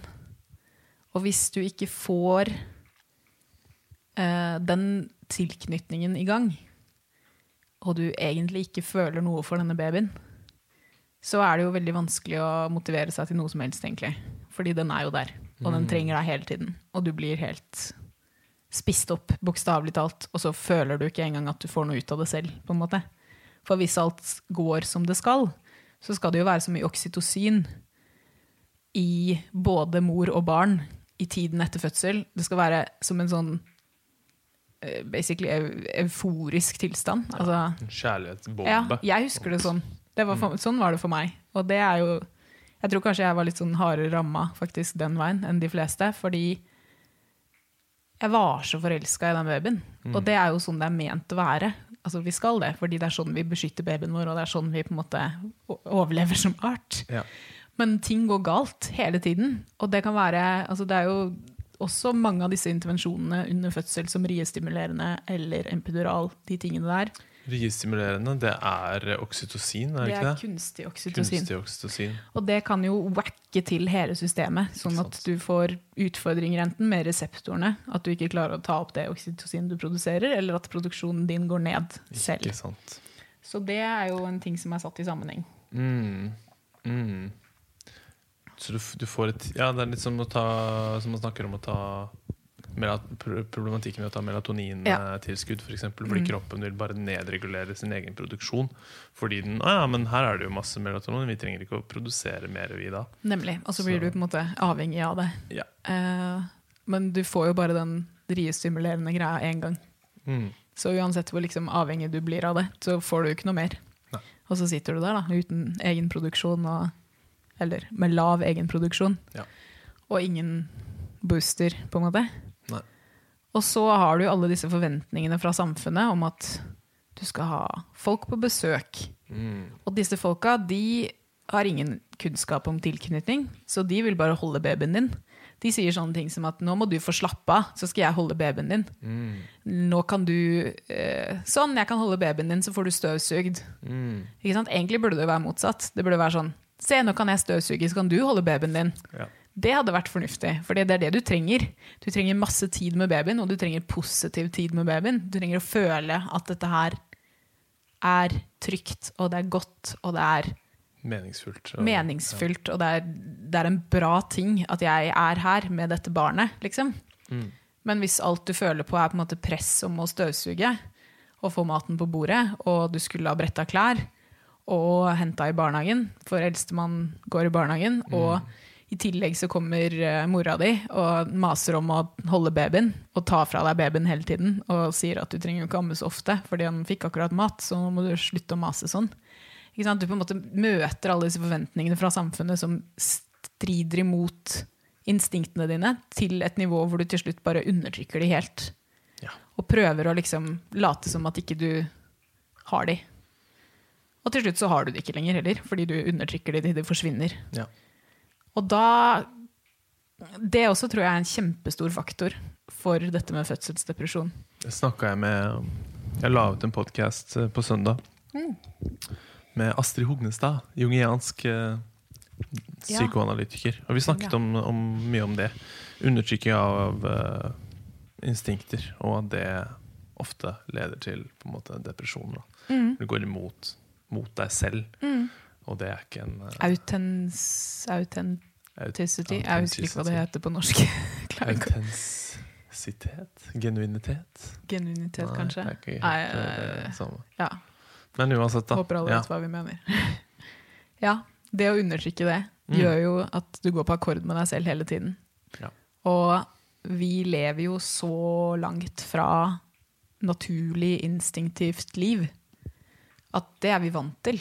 Mm. Ikke sant? Det gjør vi hele tiden. Altså, alle, alle ting vi gjør nesten hver eneste dag, går jo på en måte på bekostning av hvordan vi egentlig som art er ment å leve. Vi er ment å bevege oss naturlig, vi er ment å være ute og få flys og frisk luft hver dag. Vi er Mm. ment å ikke sant? Være i Alle disse tingene. aktivitet, ja, ja. ja. Alle disse tingene gjør vi jo, folk flest i hvert fall, og jeg og alle jeg kjenner, på en måte gjør jo en hel masse andre ting Ja. som ikke går etter instinktene våre. Så vi er vant til å undertrykke de. Det er jo Mm. sånn vi har vokst opp. Så det blir jo ikke egentlig så fjernt å undertrykke det når vi har blitt mødre heller. Altså, det, blir liksom, det blir bare en forlengelse av det livet du har levd helt til nå. Liksom. Mm. Så er det jo noen som opplever den Det er jo en ombygging i hjernen, jeg vet ikke om vi snakka om det heller, under graviditeten. Ehm, I mor, eller? I mor. Mm. Mor, eh, mors hjerne ombygges grundig og skikkelig. Og det, den der biten med at ja, hun forandra seg som etter de fikk barn, det er en reell greie. Du blir faktisk Det- en annen person. Det gir mening. Ja. Og da har du jo økning f.eks. av empatisenteret, Mm. og du har økning av fryktsenteret. Mm. Så du skal både like babyen din og prøve å beskytte mot farer som du ser overalt. Du har, eh, så du har en del sånne grunnleggende endringer hvor hele hjernen blir endra. Og, og for noen så er det på en måte nok. Kanskje de liksom finner, finner igjen seg selv på et vis, og klarer å lytte til disse instinktene. Og klarer å overkjøre den det støyen da, fra samfunnet som sier deg imot hele tiden. Som pusher deg til å gjøre alle disse tingene som ikke er riktig for deg, egentlig, men du bare ignorerer det fordi du er vant til å leve sånn. Men for noen så på en måte blir det en vekker.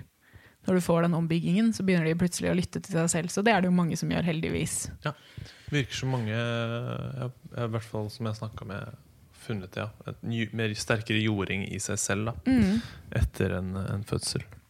Ja, definitivt. Eh, Jeg opplevde det sånn. Mm. Det var liksom sånn For meg så var det å komme, komme hjem på et vis. Ja. Det var sånn Ok, sånn skal det være. Dette er hvordan jeg er. Dette er meg. Mm. Og- Det, er jo din, det er jo din store på en måte egentlig oppgave, da. Ja. det føles sånn. I, altså, i din, din plass i naturen, på en Ja. måte. Så jeg kan se for meg det, at når den på en måte er der, så Ja, og det er jo lander man litt mer, sånn det liksom. Burde vært for alle. Liksom. Alle burde få ha den opplevelsen, føler jeg. Mm. Og det har vi jo et helt samfunn som jobber mot veldig Ja. intensivt. Det kunne man jo også snakket om, liksom. Ja, Alle et par de- timer til. de, altså færre, færre fødsler og færre folk som får barn og det Mm. greiene der. Og ja, kanskje betydningen det har på det psykologiske. Når vi Ja. snakker om akkurat dette her, at dette er kanskje den oppgaven Mm. man har sånn sett fra naturen sin fra side. naturens side. Og vi er Reproduksjon er jo høyeste mål. Det er jo selve er- definisjonen på men, altså menneskets eh, formål. Eller sant? alle arters formål er jo reproduksjon. Mm. Men sånn som vi snakka mye om sist, og det er sånn som alt kommer ned til med dette her, at vi har koblet oss fra naturen, at vi Mm. på en eller annen måte tror at vi har nådd, kommet oss forbi det. Mm. Men uh, ja, jeg, sånn som jeg ser på ting, så klarer jeg ikke helt å se den. Og jeg tror vi ved å deny den uh, delen av oss, da, Mm. den naturen, så tror jeg vi kan fort uh, havne føle oss litt lost og mi Mm. miste egentlig en veldig viktig eh, ja, en viktig del av det å være et eh, opplevelsen av å være et menneske. Mm, helt klart. Jeg tror det er sikkert mange som mange som har kommet seg opp i 40-50-åra hvis de ikke har ennå fått barn, på en måte angrer. Det er det nok ikke. også. Jeg Men jeg tror også det er mange som på en måte lever et godt liv uten. Ja, men det er jo. Men det er veldig Ja, altså Jeg tenker jo også, selvfølgelig, det er min grunnleggende tro, er jo at alle barn burde være ønsket og elsket, på en måte. Og hvis man ikke har lyst Hvis man ikke har noen av de tingene, så burde man ikke få barn. Da Nei. på en måte er det mye bedre å la være.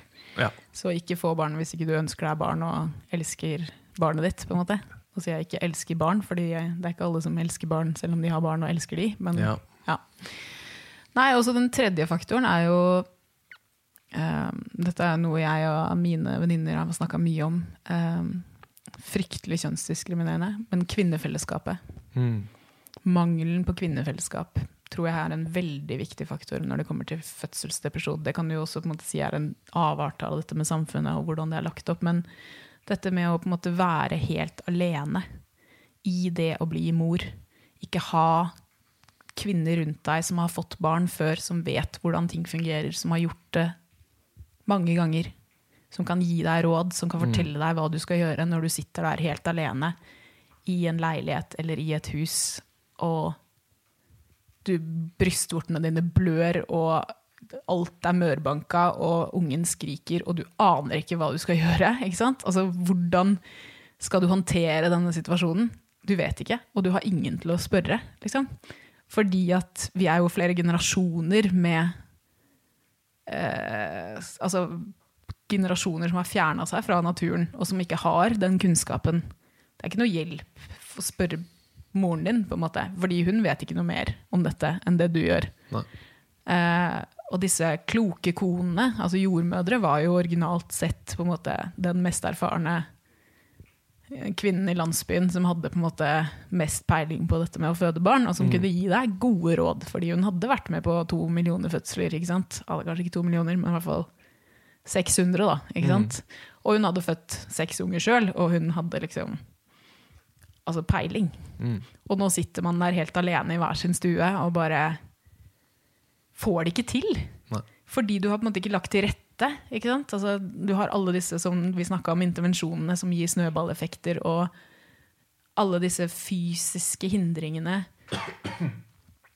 som gjør at du faktisk ikke kan få dette til på egen hånd. Og så har du ingen å spørre, og så har du ingen som kan hjelpe deg og si kjære deg, nå trenger du dette. Dette er det du må gjøre nå.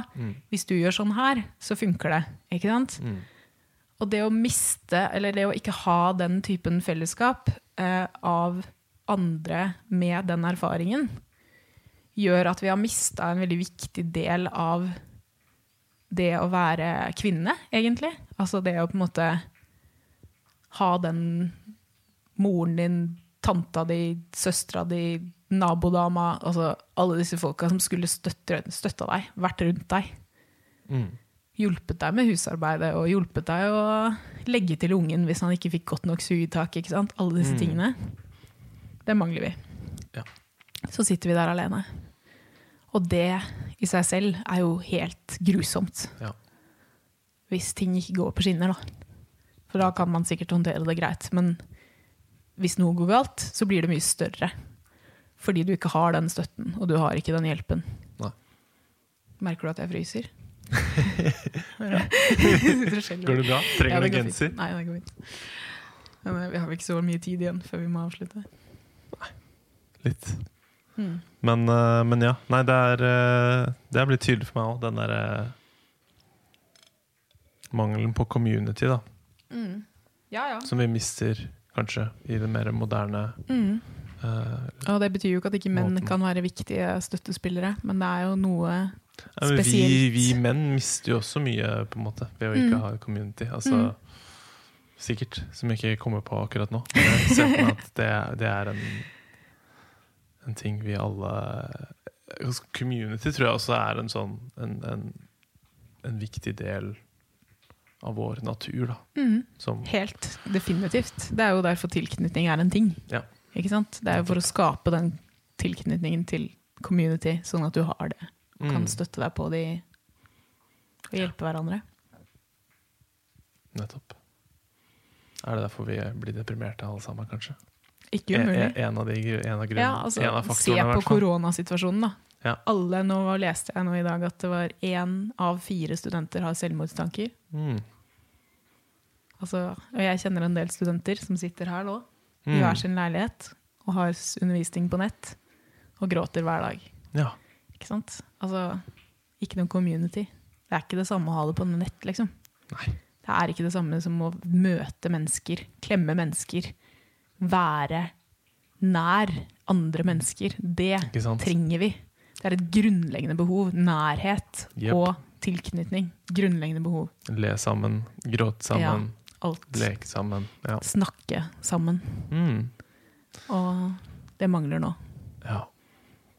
Sårt. I større grad enn Og det Før. ja, til og med. syns jeg blir tatt opp også altfor lite Mm. i denne, i denne situasjonen vi befinner oss i. Mm. Men det er ikke det Det denne ikke det vi skal snakke om. Da, da blir det enda mer Ja, Jeg får ta med, får ta med Mari hit en gang til. Så kan jeg få Ja. ven- ven- venta ut om det. Mm. Uh, shit. Vet du hva jeg tror? Jeg tror vi nesten trenger en tredje podcast. Kommer til Så oss gjennom bare en tredjedel. liksom en? Ikke sant? Ja. Vi snakka jo om det sist også. Vi gjorde det faktisk. Uh, kanskje det her blir en egen sånn Et segment. segment. Ja. Nei, men altså, det funker, det. Uh, Hadde du fått noen spørsmål som du ehm, Ingen sånn konkrete. Noen som lurte på om uh, det fantes noen gode bøker på norsk. Ja! Men den er ikke ferdig. Nei, Det kommer. Det kommer. det kommer Mm. snart. Um, men enn så lenge så finnes det ingenting. Nei. Nei. Og det er jo tragisk, men det er jo derfor vi skriver den. Alt det vi har snakket om i den første og denne podkasten, og som vi kommer til å snakke om videre i de neste podkastene, har vi vi. Skrevet ned. Og er skrevet. Uh, som vi skal gjøre om til en bok, da. Mm. Som uh, Ja. Forhåpentligvis blir så bra som vi tror. ja. Og i så fall så kommer det til å bli den eneste boka du trenger. Ja.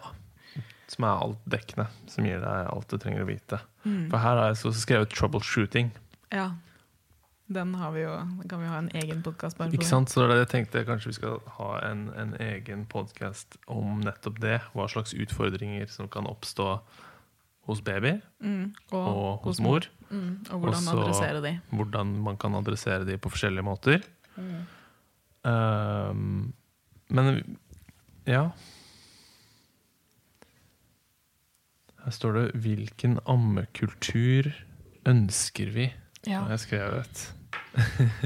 Jeg, jeg kan jo si om hva jeg ønsker, i hvert fall. Ja, vi kan ta det som en litt sånn avsluttende segment. Ja, nei, altså Min store drøm på en måte er jo at vi går tilbake igjen til det vi gjorde før, Mm. egentlig. Altså hvor amming er like naturlig som å puste, som å spise. Altså at vi på en måte har en, et forhold til det som på en måte er helt separert fra alt av seksualitet. Ja. Vekk med det. Og at vi har, har det separert fra liksom alt av pinlig, skam, alle disse ubehagelige begrepene som knyttes mot mot amming av en Mm. eller annen merkelig grunn. Som også sikkert på en måte henger sammen med dette med seksualitet og folk som tror at pupper bare er for sex og Mm. ikke noe annet. Ingen som kommenterer hender på samme måten. Nei. Lurer litt på hvorfor det er så spesifikt, liksom. Ja. Men det er eh, Altså, og vi trenger Vi trenger mer kunnskap. Altså ut spesielt ut til helsepersonell, men også til folk flest. Det burde jo vært Altså, jeg er sikker på at min nå straks åtteåring kan så mye om amming at hun kunne holdt en podkast Ja. fordi at vi snakker om dette hjemme. Så når den dagen hun, hun skal amme sitt barn, Mm. så vil hun ha det grunnleggende på plass. Mm. Og hun vil selvfølgelig ha muligheten til å spørre meg, og hun vil kunne spørre kvinner rundt seg um, hvis hun trenger det. Men det å lære barna fra de blir født, mens de fortsatt ammer selv, om viktigheten og om alle disse tingene som vi har snakka om i disse postkassene, og sånn at det blir normalisert, da. Og det blir normalisert at naturlig ammesluttalder er mellom 2,5 til 7 år.